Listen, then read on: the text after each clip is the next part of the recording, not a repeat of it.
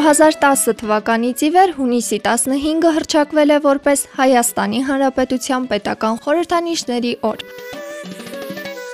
Հայաստանի խորհրդանիշներն են դրոշը, զինանշանը եւ ազգային օրհներգը։ Դրոշը սահմանված է Հայաստանի սահմանադրությամբ եւ օրենքով։ Այն չափերով եւ գույներով Հայաստանի առաջին հանրապետության դրոշի կրկնությունն է։ Պարսկաստանի եւ Օսմանյան կայսրության միջև Հայաստանի բաժանումից հետո որոշ ժամանակ հայկական դրոշ ստեղծելու գաղափարը դադարեց գոյություն ունենալ։ Ֆրանսիացի գրող Վիկտոր Հյուգոյի թաղման արարողությանը մասնակցելու համար 1885 թվականի Փարիզի հայկական ուսանողական համաժողովի խնդրանքով Վենետիկի Մխիթարյան միաբանության անդամ եւ հայտնի բանասեր Ղևոն Դալիշանը Հայաստանի համար նոր դրոշ ստեղծեց։ Ալիշանի առաջին էսքիզը շատ նման էր նորորյա հայկական դրոշին։ Այն հորիզոնական երագույն էր։ Այնուամենայնիվ այն ավելի նման էր Բուլղարիայի ներկայիս դրոշի հակառակ շրջված տարբերակին։ Առաջին կարմիր ժապավենը խորհրդանշում էր Զատիկի առաջին գիրակին։ Հաջորդող կանաչ ժապավենը Զատիկի կանաչ գիրակին։ Կամայականորեն ընտրված սպիտակը լրացնում էր այս համադրությունը։ Անկախություն ձեռք բերելուց հետո Հայաստանի առաջին հանրապետությունը ընդունեց ներկայիս հայկական երագույնը։ Սիմոն Վրացյանը վկայել է, որ դրոշի ձևի եւ գույնի շուրջ եղել են երկար քննարկումներ։ Նկատի են առնվել հայոց պատմական դրոշները եւ ի վերջո որոշվել է ընդունել հորիզոնական կարմիր, կապույտ ու նարնջի գույները պայմանով, որ վերջնական հաստատումը կատարվի սահմանադիր ժողովի կողմից, որը պետք է գումարվեր Հայաստանի երկու հատվածների միացումից հետո։ Ներկայիս դրոշը երագույն է, կարմիր, կապույտ ծիրանագույն, եւ գույներից յուրաքանչյուրն ունի իր նշանակությունը։ Կարմիրը խորհրդանշում է հայկական լեռնաշխարը, հայ ժողովրդի գոյության հարատև պայքարը։ Կապույտը խորհրդանշում է հայ ժողովրդի ապրելու կամքը խաղաղ երկնքի տակ, իսկ նարնջագույնը հայ ժողովրդի արարչական տաղանդը եւ աշխատասիրությունը։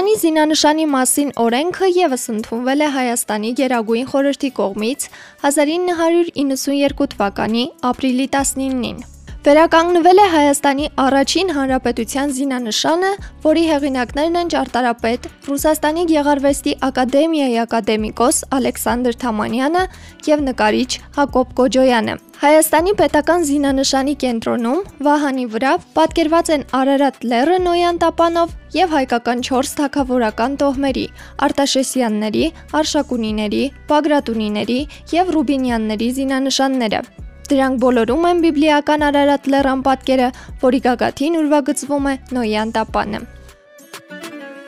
Վահանի երկու կողմերում պատկերված են առյուծ եւ արծիվ, որոնք խորհրդանշում են ոգու, իշխանության եւ արիության ուժը։ Վահանից ներքև պատկերված են սուր, ճյուղ, հասկերի խուրձ, շղթա եւ ժապավեն։ Սուրը խորհրդանշում է հայ ժողովրդի պայքարը հանուն ազատության եւ անկախության, Պետուրն ու հասկերը հայ ժողովրդի ստեղծարար տաղանդը եւ խաղաղասիրությունը։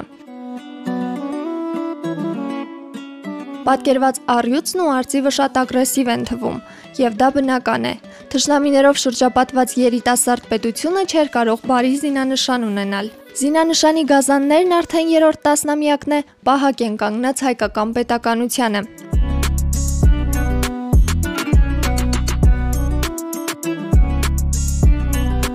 Հայաստանի ազգային օրհներգը մեր հայրենիքը ընդունվել է 1991 թվականի հուլիսի 1-ին։ Խոսքերը գրվել են Միքայել Նալբանդյանի Իտալացի աղջկա երգը բանաստեղծության հիման վրա։ Երաժշտությունը գրել է Բարսեղ Կանաչյանը 20-րդ դարի սկզբին։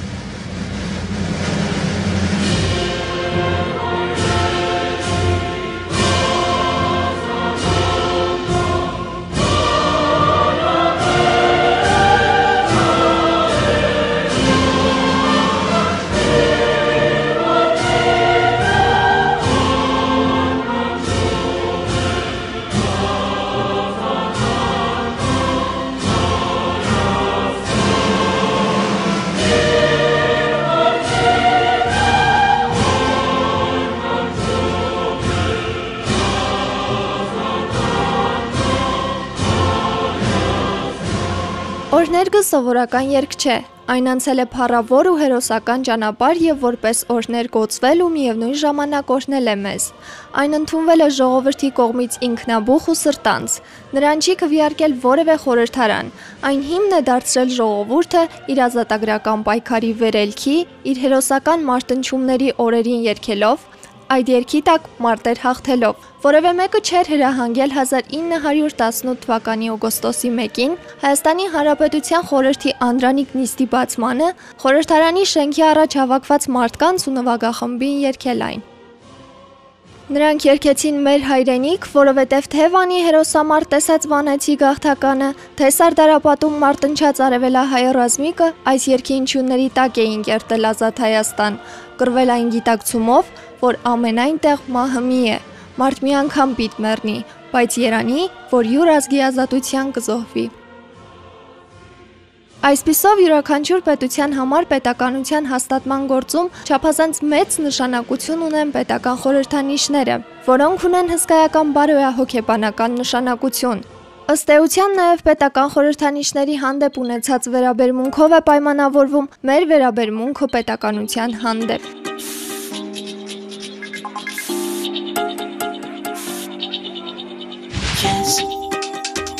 Սիրում եմ իմ երկիրը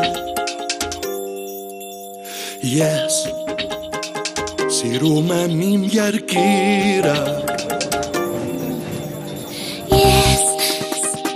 սիրում եմ իմ երկիրը